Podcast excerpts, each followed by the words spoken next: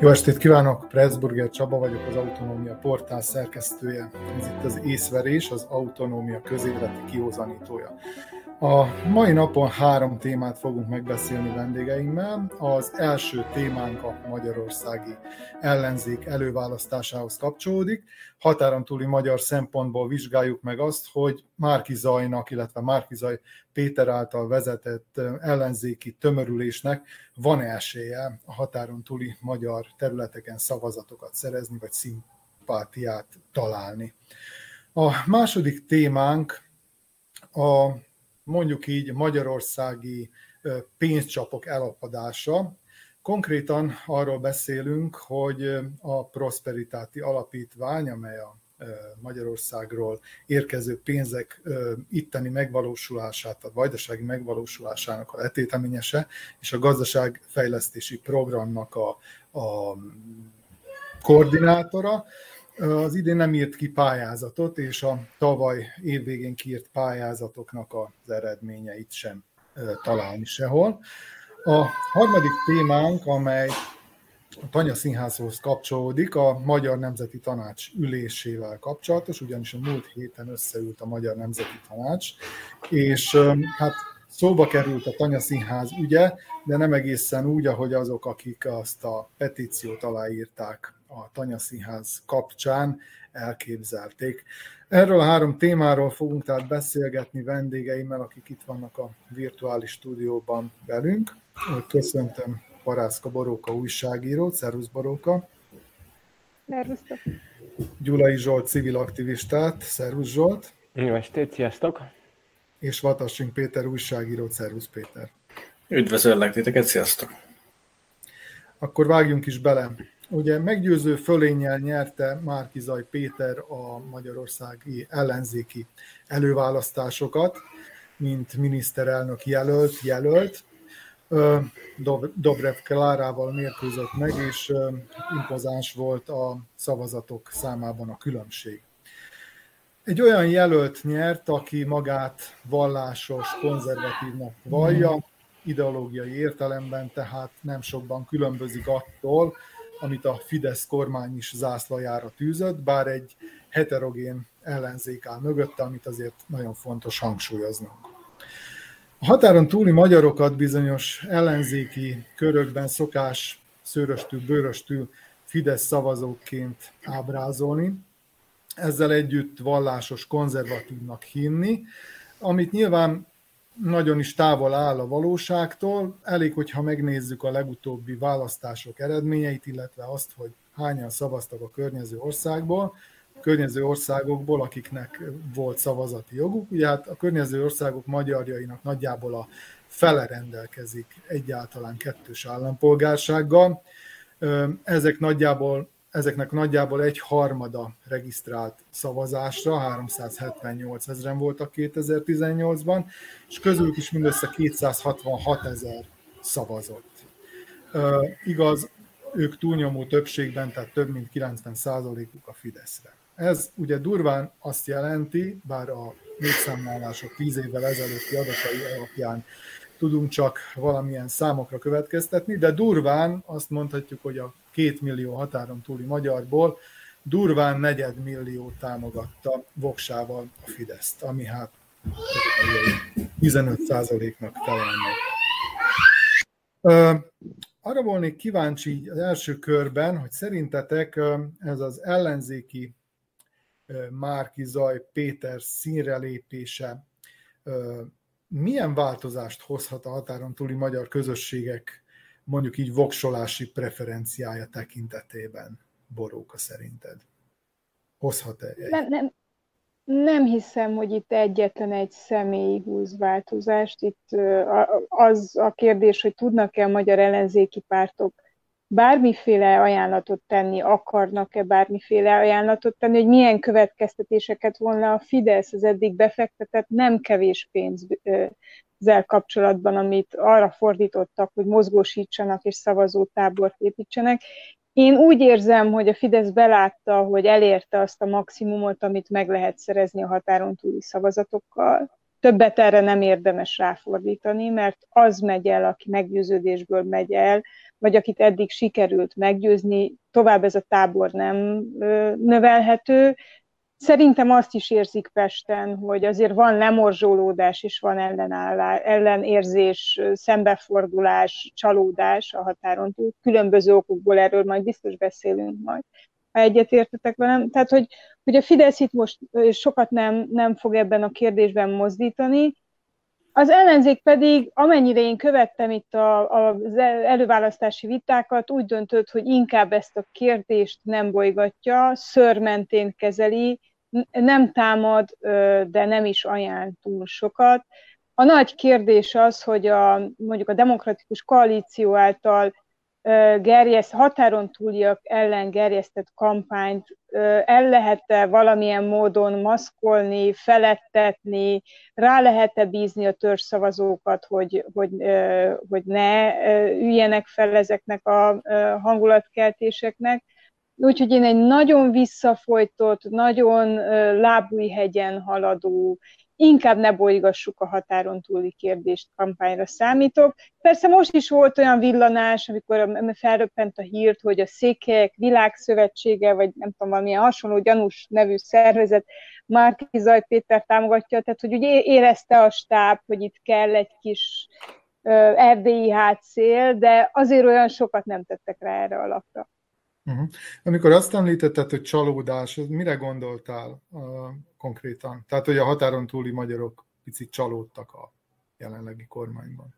Hát nyilván ez így, hogy a kor, most ebben a kormányban, vagy, vagy az elmúlt kormányzati ciklusokban, vagy a Szóval nagyon bonyolult a kérdés. Az biztos, hogy a magyar belpolitikai konfliktus, ami most már kezel, kezelhetetlenné szélesedett, az átjön, azt nagyon nehezen viseli mindenki. Most már túl minden szimpátián, tehát látom, hogy erre nagyon-nagyon rosszak a reakciók. Nem értik az emberek, hogy miért mérgesedett el ennyire a helyzet. Most már nem akarnak azért ilyen családon belüli kapcsolatokban is állást foglalni, tehát hogy így, így, így kivonulnának ebből a konfliktusból nagyon sokan. Ez az egyik tényező.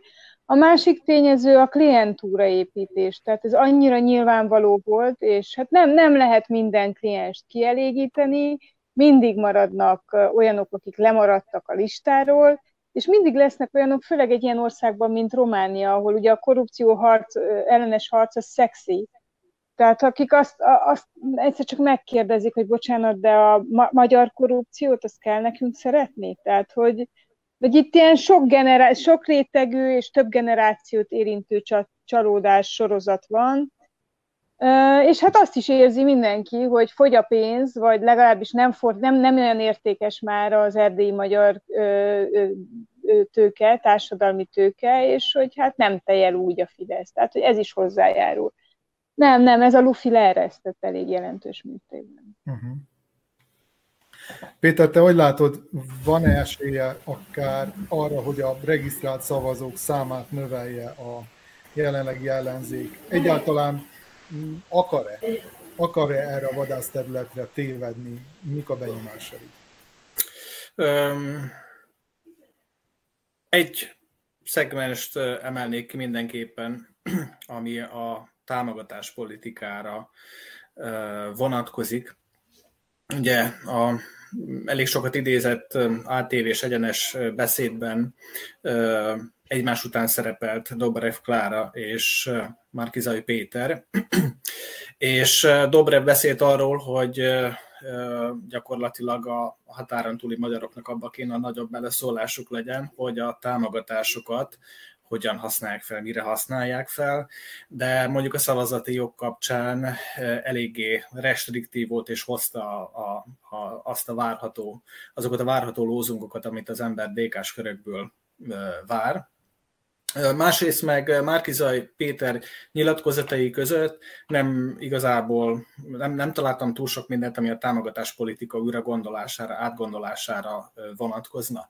És hogy miért ilyen fontos ez Szerintem a támogatáspolitika kapcsán nagyon jól egyfajta tünetként, szimptomaként lemérhető az, hogy Budapestről hogyan tekintenek a kárpát-medencei magyar kisebbségekre, és hát több kutató köztük Bárdi Nándornak is egyfajta visszatérő érve, illetve szerintem publicisztikában is így kéne, hogy az ember kárpát szerte olvasgatja, hogy az elmúlt 30 évben a támogatás politika az nem igazán jutott el olyan szintre, hogy, hogy önálló lábra, talpra állítsa a külhoni most fogalmazunk így, magyar intézményrendszert, hanem, hanem állandóan, ami a, a, a fideszes kormányokat illeti, egy, egy ilyen klientelisztikus, végletikig hierarchizált és hatalmi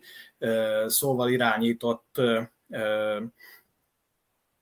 viszonyokat hozott létre, és annak ellenére, hogy mondjuk az MSZP-SZDSZ kormányok idején a támogatások a korábbiakhoz képest, a 98-2002-es korszakhoz képest nem csökkentek, gyakorlatilag ott sem voltak igazából elképzelések arról, hogy hogy lehetne előrelépni.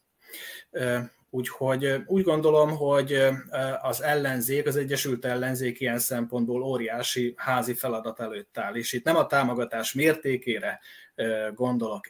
Eleve kérdéses, hogy a 2015 a 15 óta fönnálló bőséget mennyire lehet föntartani, vagy mennyire indokolható, hanem sokkal, sokkal inkább arról lesz itt szó, hogy például a támogatáspolitikán keresztül, és nem csak a, a kettős állampolgárság, illetve a szavazati jogon át, hogy lehet úgy újra feltalálni, újra kitalálni a magyar-magyar kapcsolatokat, hogy az, hogy az elmozduljon a, a, attól a posvántól egyrészt, ami idáig volt, vagy attól a brutális hatalom technikázástól, amit az elmúlt 11 évben tapasztaltunk. Úgyhogy ez, ez, ez majd akkor fog kiderülni, talán, hogyha kormányra kerülnek 2022 tavaszán. Uh-huh. Zsolt, ugye a, már említettem a fölvezetőmben azt, hogy van egy ilyen közvélekedés arról, hogy a határon túli magyarok azok úgy, úgymond abóvó, konzervatívak, picit jobboldaliak, nem tudom én, vallásosak, tehát minden, ami ezzel jár. Mennyire tartod ezt megalapozottnak? Tehát nyilván, hogyha csak a szavazatok számát nézzük, és azt, hogy, hogy milyen hatalmas arányban szavaztak a regisztrált szavazók a Fideszre határon túli területekről, akkor ez így hát még ki is jelenthető, csak hát ugye az az abszolút számokhoz képest egy, egy meglehetősen kis arány. De vajon, hogyha nem is így van, akkor hol vannak azok a szavazók, akik esetleg nem egy jobboldali pártra szavaznának határon túlról? Mi az oka annak, hogy nem szavaztak? Hát először is nem gondolnám, hogy sokkal jobban vallásosabbak lennének a vajdasági magyarok, mint akár az anyaországiak, sőt, szerintem kevésbé. Ez a jobboldali kérdés, az mindenképpen biztos, hogy konzervatívabb, konzervatívabb a vajdasági magyarság. Viszont van egy, nekem van egy olyan elméletem, hogy, hogy egyrészt ugye a ha megnézem határon túli magyarokat, akkor Vajdaságban tudott leginkább gyökeret verni ez az Orbáni fanatizmus, illetve ez a, ez a fajta Fidesz imádat, de inkább Or- Orbán imádat. Ez annak tudható be, hogy ö, igazából az elmúlt 20-30 évben ö, igazából a vajdasági ö, magyarság elanyátlanodott. Valahogy is, valami, valamennyire úgy, úgy fogalmaznám meg, hogy a sehova tartozás szituációja állt fent az elmúlt 20-30 évben, és ez az elmúlt 10 év, ahogy így a Fidesz át, átkarolta, illetve magához ölelte a határon túli magyarokat, és most én legfőképpen Vajdaságról beszélem, a vajdasági magyarokat, nézzünk csak meg az elmúlt két hétben vagy három hétben hányszor járt Orbán Viktor Vajdaságban, Szabadkán. Egyszer inkognitóban azért. Ezt egyszer inkognitóban, de hát amennyi, amennyi fotó megjelent a közösségi oldalakon, tehát az mégsem volt annyira inkognitós történet, de mondjuk fogalmazzunk így, hogy inkognitóban. Tehát valamilyen szinten van egy, van egy kötődés, van egy, van egy Orbáni imádat, amit viszont az elmúlt pár évben én is úgy érzek, hogy, hogy kilukadt itt is a lufi. Átszűrődnek az információk arról, hogy nem annyira, annyira egyértelműen szuper és, és isteni az az ő emberi mi voltja, átszűrődnek az információk a korrupcióról, egyéb problémákról. Ne feledjük el, hogy, hogy nagyon sok vajdasági család ból nagyon sokan Magyarországon élnek, és sokkal több információhoz jutnak, mint itt Vajdaságban, hiszen itt főleg a magyar televíziót nézik, illetve az MTV-nak a műsorait, illetve a Panon televíziót, amiből igazából nem tudnak reális képet kapni arról, hogy igazából mi is, mi is folyik Magyarországon. Tehát beszűrődnek információk, átjönnek információk, tényleg nagyon-nagyon sok vajdasági magyar él Magyarországon, úgyhogy itt is, itt is az, az van, hogy elérte a maximumát szerintem a, a, a 18-nál biztos, hogy nem lesz, nem fog több szavazatot kapni. Ami az ellenzéket illeti, mm, ez egy nagyon nehéz, nagyon nehéz kérdés, legfőképpen a média miatt. Tehát már most láttam a reakciókat, hogyan reagáltak az emberek akár a Markizai győzelmére. Sajnos a, a, a Fidesz propagandát hallgatják többségében, és abból pedig ugye már megy az összemosás a DK-val, illetve Gyurcsány Ferenccel, ugye Gyurcsány Ferenc maga az ördög, és innentől ebből, ebből nagyon nehéz kilépni ebből a szituációból de minden esetre a lemorzsolódás az itt is, itt is érezhető lesz, hogy az ellenzék hogyan tudja ezeket a lemorzsolódott szavazókat magához édesgetni, ez a jövő kérdése. Ez nagyon nehéz mhm. feladat lesz szerintem, főleg itt Vajdaságban.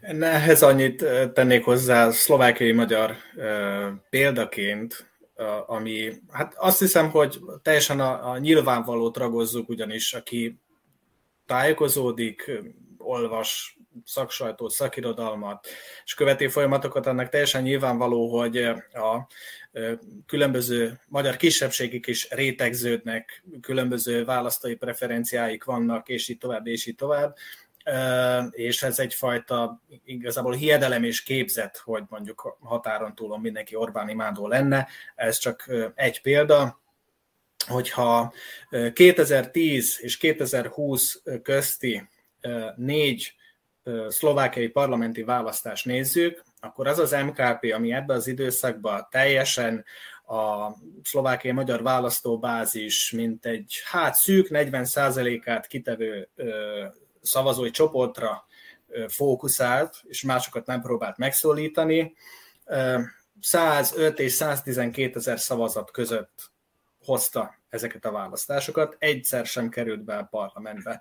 Ez a tíz év a, a Fidesz uralomnak a tíz éve, és annak ellenére beszélek erről, hogy nálunk nem igazán, vagyis hát Szlovákiában nem igazán működik levélszavazás sem másmilyen, tekintve, hogy az állampolgársági törvény szigorú, és ezért nagyon kevesen elhanyagolható mennyiségű ember vette fel.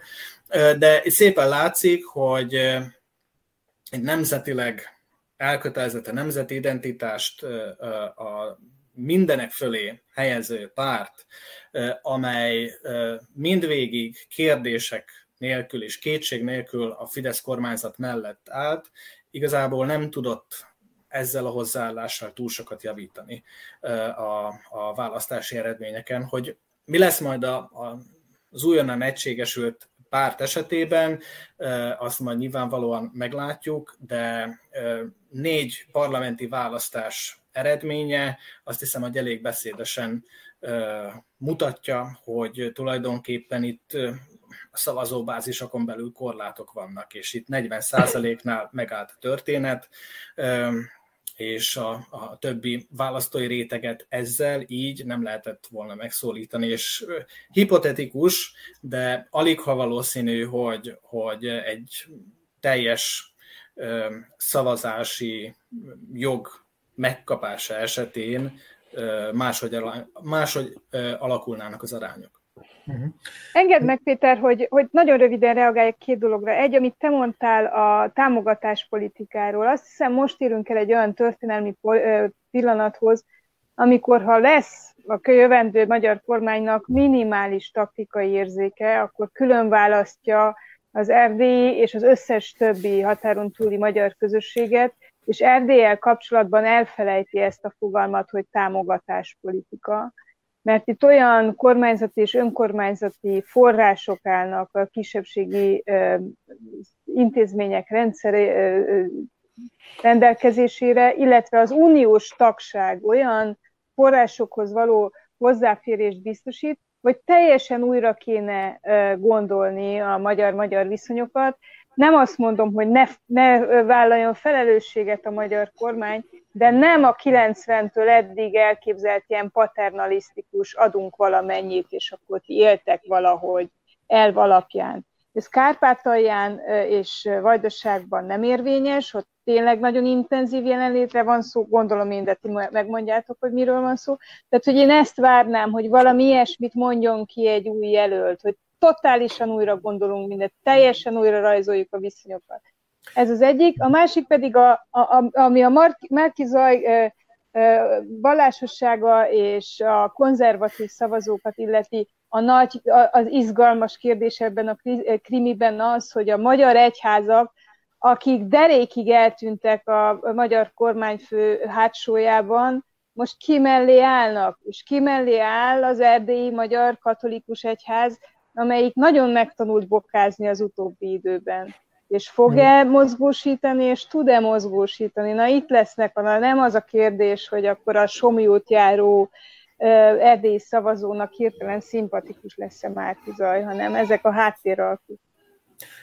Nagyon jó, hogy ebbe az irányba vitted Boróka ezt a kérdést, ugyanis épp azt akartam megkérdezni, hogy Romániában mennyire vannak beágyazódva a nemzeti együttműködés rendszerébe a hát alapvetően a politikai elitek, vagy a politikai szervezetek. Ugye tudjuk Vajdaságban ez... ez, ko- ez komolyan kérdezed? Abszolút, hiszen Vajdaságot azt gondolom nem lehet überelni, tehát itt ki van maxolva a dolog, tehát a, a VMS az ugyanazt tolta az előválasztással kapcsolatban is, hogy ez egy kutyakomédia, annyiban különbözött a Fidesz retorikától, hogy klasszikus kutyakomédiának minősítették a, az előválasztást és teljesen egyértelműen és teljes melszélességgel a Fidesz mellett áll ki a VMS. Ma jött egy közlemény a, a VMS úgymond ellenlábasától, a magyar mozgalomtól, amely viszont a Márkiza, illetve az ellenzéki összefogás mellett tette le a garast. Na most mennyire jellemző az Romániában, hogy, hogy egyszerűen nem is képzelhető el váltás. Tehát, hogyha Magyarországon változik is a hatalom, az elit nem lesz képes erre az alkalmazkodásra. Vagy lehet, hogy tévedek, lehet, hogy Vajdaságban is képes lesz, nem tudom, majd elmondjátok, hogy látjátok. Nem, de szeretek szavakon lovagolni, bocsánat, hogy azért a helyetekben újra gondolnám, hogy, hogy mit nevezünk elitnek. Tehát, hogy itt van egy csomó Magyarországról pénzelt, fenntartott politikai szervezet, fantom politikai szervezetek, ugyanúgy, mint Szlovákiában, vagy nem tudtak mandátumhoz jutni, vagy nagyon kevés mandátumhoz tudtak jutni, vagy csak úgy tudtak mandátumhoz jutni, hogy a régi nagy, még a 90-es években létrehozott szervezettel, az RMDS-szel valamilyen kompromisszumot kötöttek. Tehát ez, ezt nevezzük elitnek, hogy... Nem, hát én a valódi a... hatalommal rendelkező magyar... Valódi hatalommal meg hát nagy, nagyon kevesen rendelkeznek. Az RMDS most furcsa helyzetben van a román kormányválságok miatt, mert amikor a román politikai élet inog, akkor megnő az RMDS hatalmi helyzete, mint egy viszonylag stabil szavazóbázisra rendelkező szervezet. Tehát, hogy az RMDS kvázi elitnek tekinthető, viszont kiegyezett a magyar kormányjal nehezen, hosszan egyezett Kelemen Hunor ki, nem adta könnyen a bőrét, de amikor odaadta, akkor nagyon, nagyon odaadta. Úgyhogy ő most nehéz helyzetben van. Én azt látom, hogy nem, nem teljes erőbedobással, némi visszafogottsággal, de azért a hűséges küt tartják, és hát már most a fő a feje, tehát ennek látványos jelei vannak, és följön is az RMDS vezetésének, hogy mi lesz akkor, ha jelenlegi uh, magyar kormány bukik, és vele bukik minden alkú, és a hitele ennek a szervezetnek, amely szervezet évtizedeken át úgy működött, hogy egyenlő táv vagy közelséget tart minden magyarországi párttal, és nem kötelezi el egymást.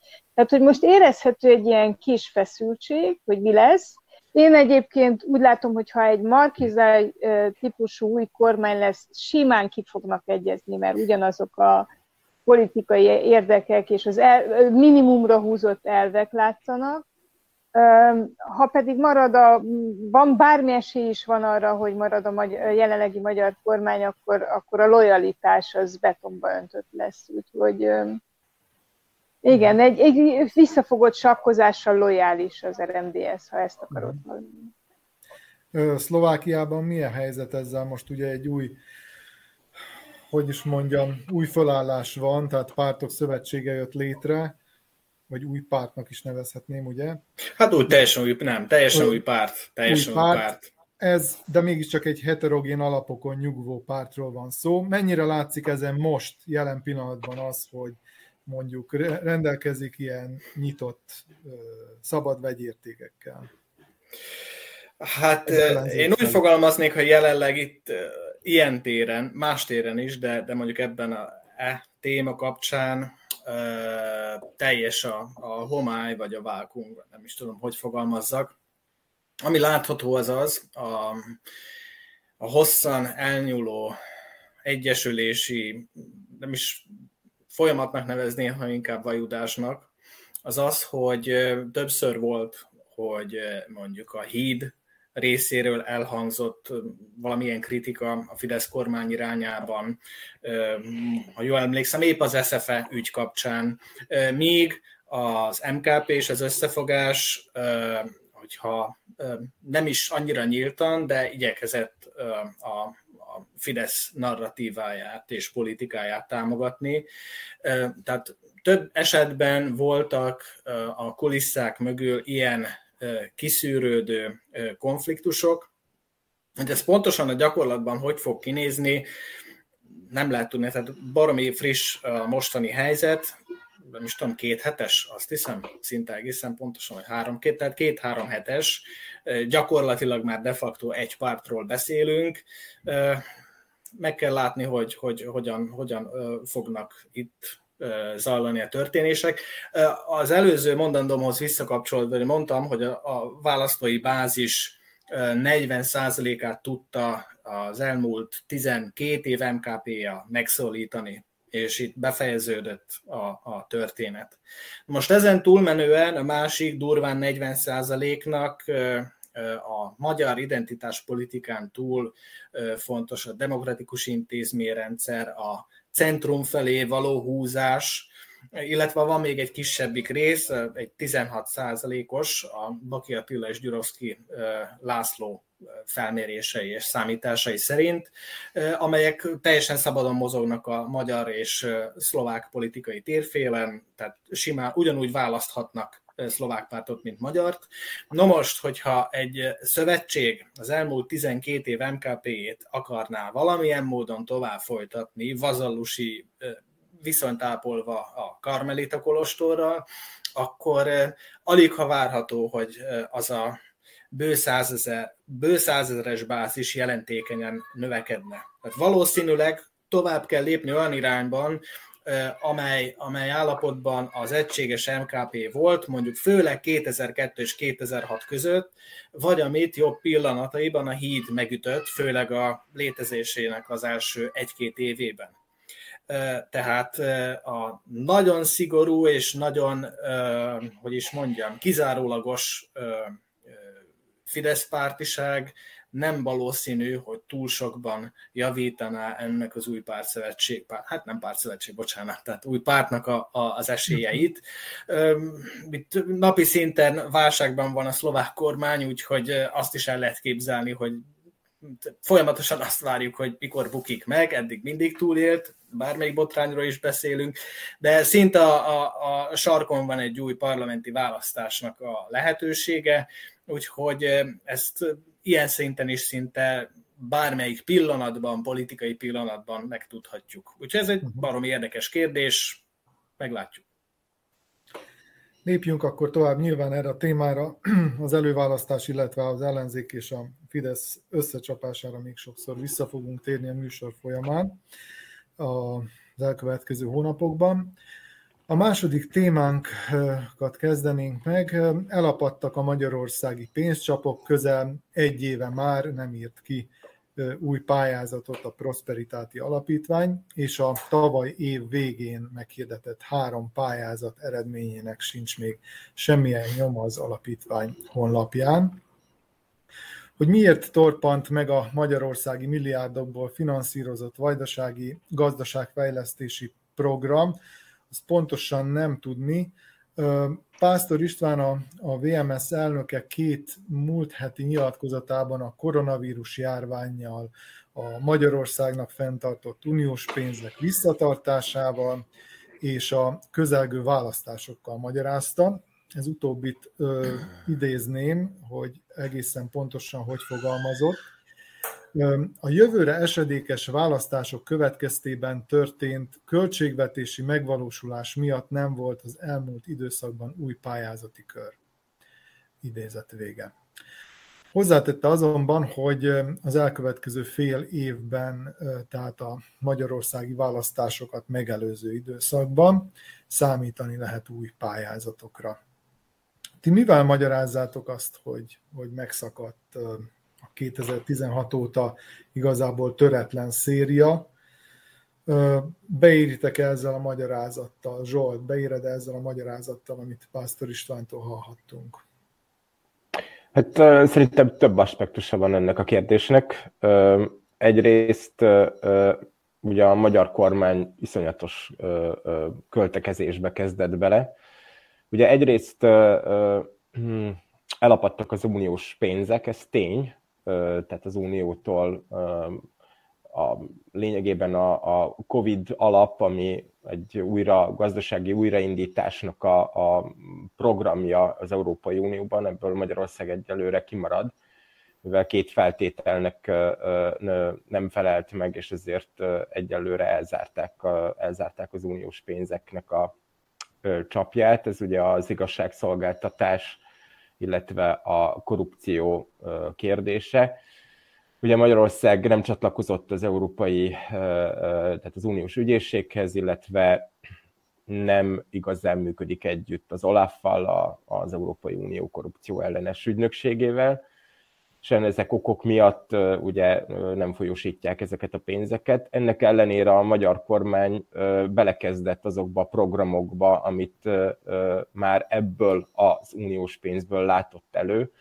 Tehát nagyon sok olyan magyarországi pályázatot írtak ki, amit ebből szerettek volna finanszírozni. Ezt egyelőre a saját költségvetésből, illetve a piacról felvett kölcsönökből finanszírozza. Ugye csak az elmúlt nagyjából egy hónapban, öt hétben Magyarország 4,5 milliárd eurós hitelt vett fel különböző nemzetközi bankoktól, illetve kötvénykibocsátáson keresztül. Ugye jelen, jelen pillanatban Magyarország, magyar kormány az a saját szavazóira összpontosít. Ahogy már említettük, hogy itt elérte a maximumot, tehát itt már nem tud több, több szavazatot vásárolni, így marad a saját országán belül, és itt a nyugdíjak, tehát a jövő évi nyugdíjkifizetés, 13. havi fizetés, nyugdíj, különböző juttatások rendőröknek, közalkalmazottaknak, végtelen a sorra azoknak a programoknak, amire, amire önti ki, illetve már elkezdte kiönteni a magyar kormány a pénzeket. Ez már egy nagyon-nagyon fontos szempont, hogy csak a szeptemberi költségvetési hiány olyan rekordszintű lett, ami a, az újkori történelmének, történelmében a magyar mondjuk így államháztartásnak nem volt, nem volt példa, hogy ekkora hiány legyen, illetve a 2021-re előre látott költségvetési hiány is elszállt maximálisan. Ez meglátszik az inflációban, az nyilván mindenhol drágulások vannak, de hát Magyarországot is sújtja az energia, a hordozók, illetve az élelmiszereknek a drágulása, tehát az infláció is elszállt. Ezek összességében eleve, eleve hogy az összességet, összességében nézem ezeket a szempontokat, akkor már nem, nem, nagyon, nem nagyon fókuszál a határon túlra, és nem nagyon fókuszál ide Vajdaságba. Úgyhogy szerintem az Európai Uniós pénzek a választásokig szinte biztos, hogy nem fognak elindulni, mivel Magyarország a választásokig, ha marad az Orbán kormány, nyilván a választások után valószínűleg alá fogja írni ezeket az egyezményeket, mert nem lesz más kiútja, de a választásokig nem fogja válni, vállalni ezt a kockázatot. És szerintem a választásokig nem valószínű, hogy, hogy újraindulnának ezek a programok nincs, nincs nagyon miért jelen pillanatban, és nincs miből.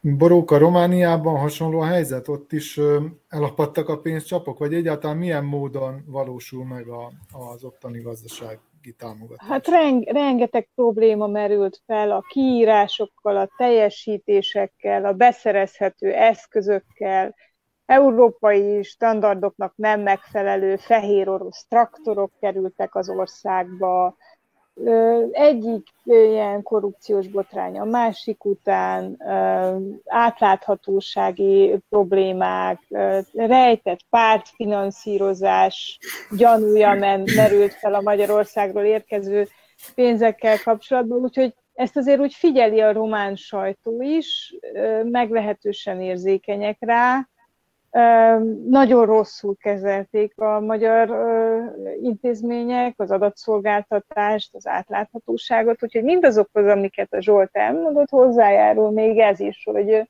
azért ez a magyar támogatáspolitikának nevezett ilyen átláthatatlan klientúra építés ebben az országban megy ugyan, de nem annyira simán, mint eh, az elmúlt évtizedekben, úgyhogy a lelassulásnak ez is az oka. És ha már kérdezted a csalódást, hát igen, azok, akik pályáztak és nem kapták meg időben a mhm. megpályázott és megítélt támogatást, vagy nem azt kapták meg, vagy nem úgy kapták meg, hát szóval ott azért, azért a csalódás is, meg bő is van.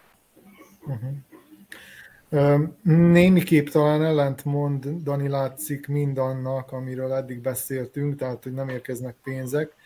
Az az információ, hogy Magyarország létre akart hozni egy 400 millió eurós befektetési alapot, amitől aztán később elállt, tehát ebben a tekintetben viszont a történetünknek ez is tökéletesen része vagy klappol ebbe, a, ebbe az áramlatba tehát hogy itt sem fognak pénzek érkezni, de ennek az oka állítólag az, hogy a, a szlovák külügyminisztérium oda szólt, hogy ezt azért mégse kellene. Tehát ugye a cél az lett volna, hogy létrehoznak egy eh, magyarországi közpénzekből finanszírozott befektetési alapot, és ebből támogatnak, ha jól értettem, helyi gazdákat, akik aztán megvásárolják saját nevükre ezeket a földterületeket gondolom magyar gazdákat. Mi, mi ennek a háttere, Péter? Szlovákiából indult ez az egész ügy. Um, hát nem lehet pontosan látni minden szegmensét az ügynek. Összességében nagyon fontos, és furcsa volt a, is nevezzem, dramaturgia ez egésznél, ugyanis hát Ivan Korcsok egy viszonylag jófésű diplomatának számít, és gyakorlatilag olyan szótárral és a nyilvánosságban olyan üzenetekkel kezelte az ügyet, amely nem használta ki a, ez ebben rejlő minden politikai potenciált. Magyar oldalról pedig, ami a visszakozást illeti, nem sok minden derült ki. Igazából csak következtethetünk a beállt politikai változások kapcsán. Például arra, hogy a választások előtt fél évvel esetleg nem akar vállalni Budapest olyan konfliktusokat, amelyet az ingatlan vásárlás erőltetése kelthetne Szlovákiában is, esetleg potenciálisan más helyeken is. Állhat mögötte esetleg az is, amit felvetettünk, hogy itt talán mégiscsak probléma van a pénzekkel.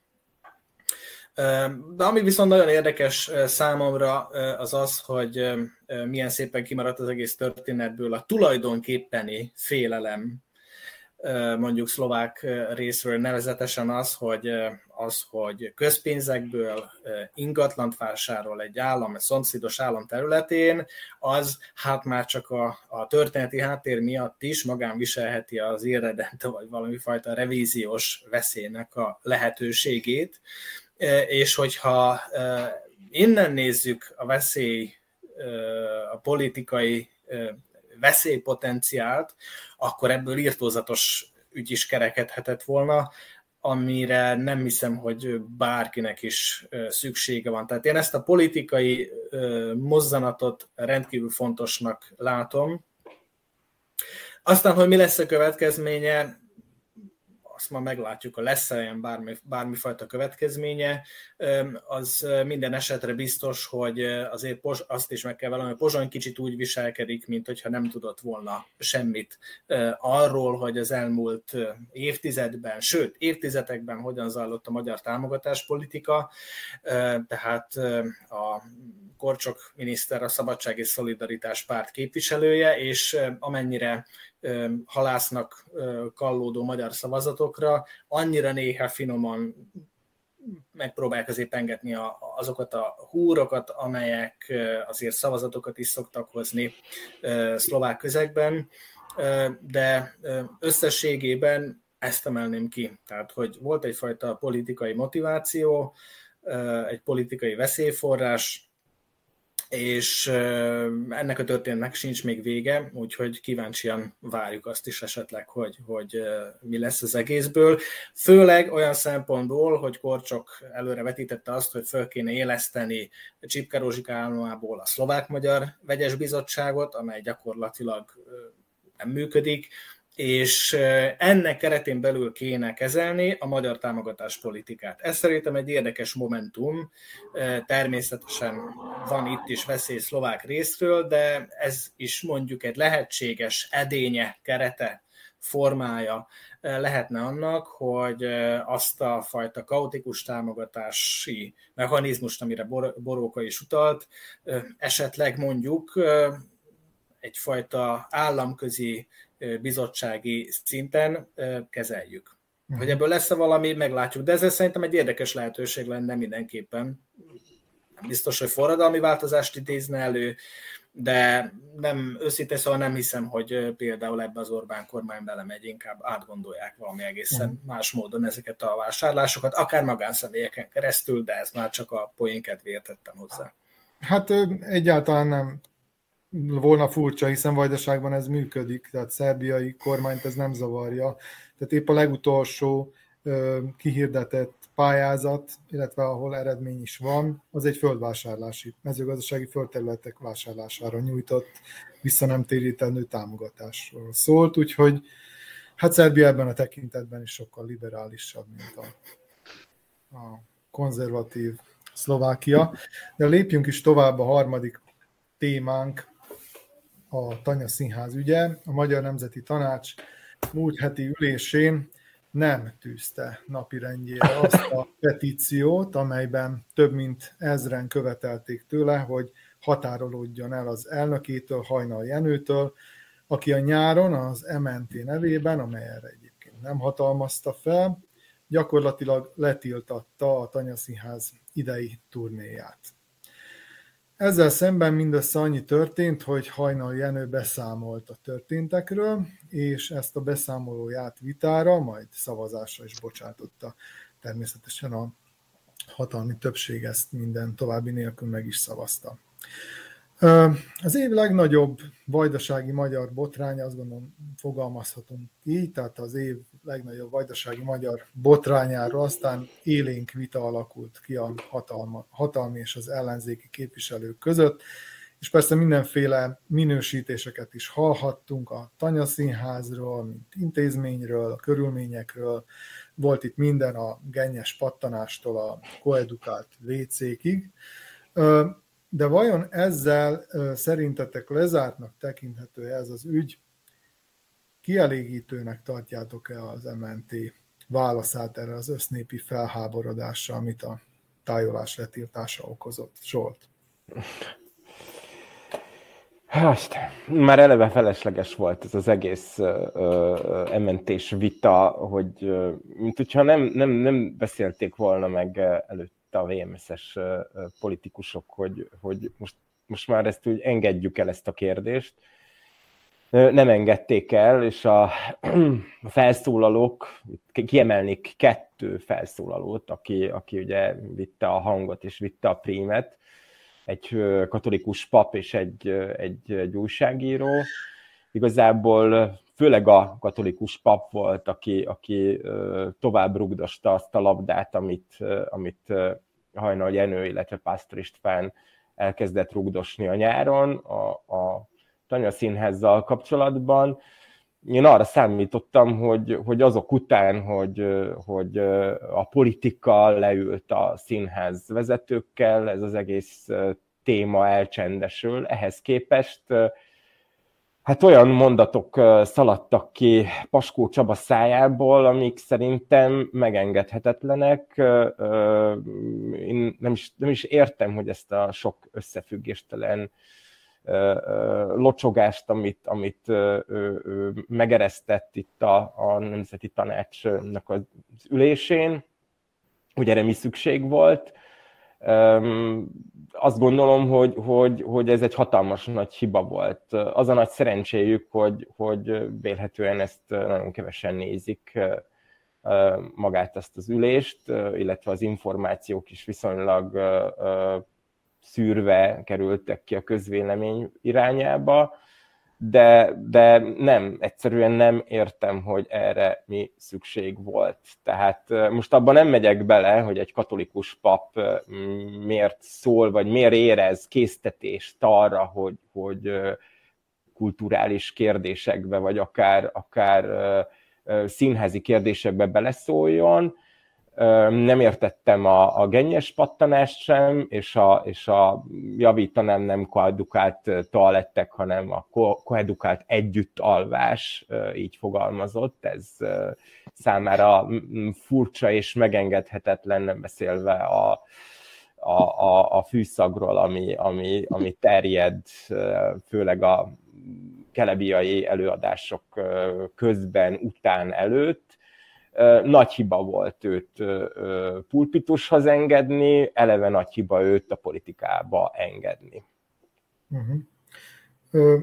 Péter, te nem tudom, nézted-e a, a, az adást, mint az MNT-ről készült felvételt, vagy te is azok, azok, ahhoz a többséghez tartozol, akik nem, nem nézték, mert a kérdésem az volna, hogy milyen benyomásokkal távoztál a képernyő elől.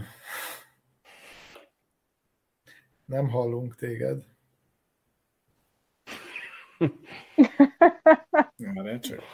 Most hallunk. Most, Most jó? jó? Most jó. Uh, gyors napalóban néztem végig, uh, tehát nem, nem volt időm rendesen kielemezni és uh, kivesézni. Ami fölmerült bennem, és itt ha, ha engedjetek meg egy ilyen párhuzamot, hogy még vissza, visszatekintve, amellett szerintem nem szabad elmenni, amit, ami az egésznek az előzménye, hogy a színházigazgatók kétszer tiszteletüket tették a párcékházban az elnöknél, hogy szerintem a jelenlegi erőviszonyokat ismerve ilyen, ilyen elképzelhetetlen lenne, hogy a, a kassai és a jókai, a kassai és a, és a komáromi társulatok, színházak vezetőit, igazgatóit berendelik a párcékházba. Tehát ez, ez, ez elképesztő, abszurd Tehát ilyet ne, jelenleg, jelenleg nem tudok elképzelni, és szerintem jól mutatja azokat a hatalmi viszonyokat, amelyek eluralták a, a vajdasági magyar nyilvánosságot, beleértve a kulturális szférát is. És ennek egyfajta lecsapodása az az ementés vita, a beszámolóról folytatott vita, aminek a tanúi voltunk múlt héten. Tehát így önmagában szerintem nem volt semmi meglepő azon, ami ott elhangzott. A vitának a teljesen kiúttalansága, partalan megjegyzések, vagy az alpári megjegyzések is azt gondolom, hogy az, aki a vajdasági magyar nyilvánosság elmúlt hát most már jó tíz évét simán lehet azt mondani, úgy gondolom, elmúlt évtizedét követte, az ezen egészen biztos, hogy nem lepődött meg. Második nekifutása biztosan nem lehet, hogy elsőre igen. Uh-huh. Mi hajlamosak vagyunk itt a vajdasági magyar buborékunkban azt gondolni, hogy hát mi vagyunk a világ közepe, és egy ilyen világra szóló botrány mindenhova eljut, ami a Tanyaszínház érintette a nyáron. Boróka, hozzátok eljutott ebből bármi is? Tehát ebből a Tanya Színház botrányból? Tehát volt ennek bármilyen visszhangja a kulturális intézményekben, vagy a sajtóban? Én azt láttam, hogy nagyon érzékenyen reagált a szakma, és két okból. Egyrészt, egyrészt ez a strukturális függés a kisebbségi intézmények között, azért ez, ez most jött felszínre, de hát ez mindenkit érint az, hogy az úgynevezett támogatási pénzek kisebbségi szervezeteken keresztül jutnak el. Hogy például a, magyar, a román kormány kisebbségi támogatása az RMDS alapítványának kommunitás alapítványon keresztül jut el kulturális szervezetekkel, és így, ha tetszik, ha nem, az RMDS-nek nagyon tetszik, folyamatos politikai kontroll van. Tehát e- ez a jelenség, amit most itt láttunk a Tanya Színház esetében, ez mindenhol lóg a levegőben, gyakran ö, megismétlődik, nem ennyire botrányosan, de azért ez, ez egy nagyon ismerős dolog, és nagyon sokaknak van ebből elege. Tehát ez az egyik ok, ami, amiért nagyon érzékenyen reagáltak rá az emberek. A másikok az a nagy magyar történet, a CFL története, tehát, hogy ez, ezt a kettőt nem tudták egymástól elválasztani, hogy, hogy meg, meg az akadémia története, meg a független színházak története, meg az egyetemek betarálásának a története. Tehát, hogy ezt mindenki úgy érzékelte itt nálunk is, akik erre érzékenyek nyilván, hogy itt elindul a gőzhenger, és mindent visz magával akkor is, hogyha mondjuk a vajdasági esetben, mert én úgy nagyon alaposan követtem a nyáron a vitákat, és persze született egy csomó idióta nyilatkozat, és nyilván, hogy zsigerből, és észből, és lélekből is szolidáris az ember a Tanya színházzal. De ott felbukkant egy csomó olyan koncepció, vagy elvárás, ami, ami mellett lehet érvelni, hogy milyen egy közösségi színház, hogy hogy mennyire kell megfelelni, nem felelni meg. Tehát ezek érvényes kérdések. Meg is lehetne ezeket beszélni, meg is kellene beszélni. Csak nem egy ilyen általános hiszterizált közhangulatban, ahol azt látjuk, hogy egyetemeket szüntetnek meg egy tol- tolvonással, meg színházakat, és karriereket törnek ketté urikényük kedvékből emberek. Tehát hogy ebben a hangulatban a Tanya Színház története az nem egy kis mellékes vidéki történet, hanem a nagy történetnek egy vajdasági felvillanása, vagy megmutatkozása, és mint ilyen, ilyen számíthat az általános ellenállásra, ami szerveződik. És Romániában a magyarság körében milyen általános ellenállási modellek vannak egyáltalán? Erre a strukturális függésre mi, milyen, milyen válaszokat lehet adni? Maradjunk a színháznál. Ez egy nagyon jó, jó terep, mert látható, Ráadásul itt Romániában ugye van színész és színházi képzés is, magyar kisebbségi Kolozsváron is, és Marosvásárhelyen is. És az a faramuci helyzet alakult ki, apropó határon túli együttműködések, hogy miután a Magyar Színe, Magyarországi Színházi Képzés kvázi összeomlott, vagy nagyon, nagyon mély válságba került, de már előtte is azt láttuk, hogy nagyon sok magyarországi hallgató jön át ide tanulni. Nagyon sok olyan egyetemi oktató jön ide át tanítani, akik oda át nem tudnak tanítani, vagy nem annyit és nem úgy tudnak tanítani, ahogy szeretnének.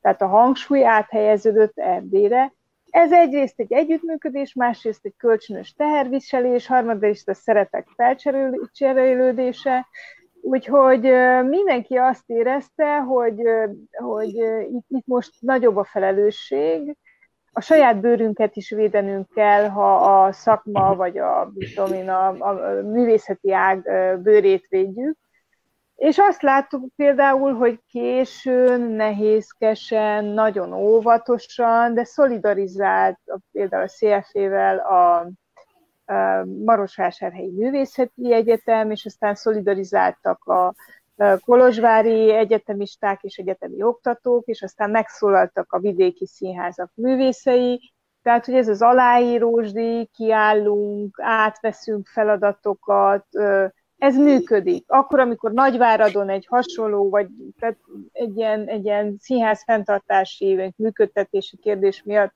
vált nagyon élesi a konfliktus a helyi önkormányzat és a Váradi Színház között, még a Tanya Színház botránya előtt, nota bene, akkor szintén elkezdődött egy ilyen országos szolidaritási mozgolódás, úgyhogy én azt látom, hogy már a, a problémaérzékenység megvan, és tudják az emberek azt, hogy ma van egy nagyon jó román mondás, nem tudom teljesen jól lefordítani abban a ritmusban, de úgy szól, hogy ha egy elbukik, mind elbukunk. Ez az érzés, ez benne van az emberekben, és akkor, akkor azt az egyet sem hagyják elbukni. Uh-huh. Jó, hát mi reméljük, hogy nem bukunk el, és jövő héten is lesz észverés. Köszönöm, hogy itt voltatok. Még csak annyit tennék hozzá, hogy a Magyar Nemzeti Tanács egy bemutatóra készül, úgyhogy színházi előadást is fogunk látni a Magyar Nemzeti Tanács rendezésében, nem csak letiltott előadást nézhetünk a kavillon. Köszönöm tehát még egyszer, hogy itt voltatok, köszönöm önöknek is, hogy velünk tartottak ma este. Ez volt az észverés 43. adása.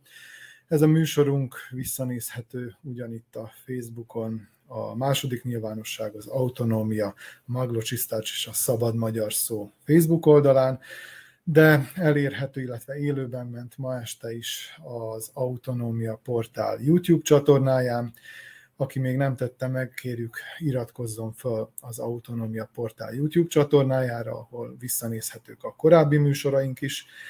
Jövő héten szintén lesz észverés, addig hallgassák podcaston a műsort, nézzék YouTube-on, Facebookon. Jövő kedden 8 órakor találkozunk, addig is a viszontlátásra.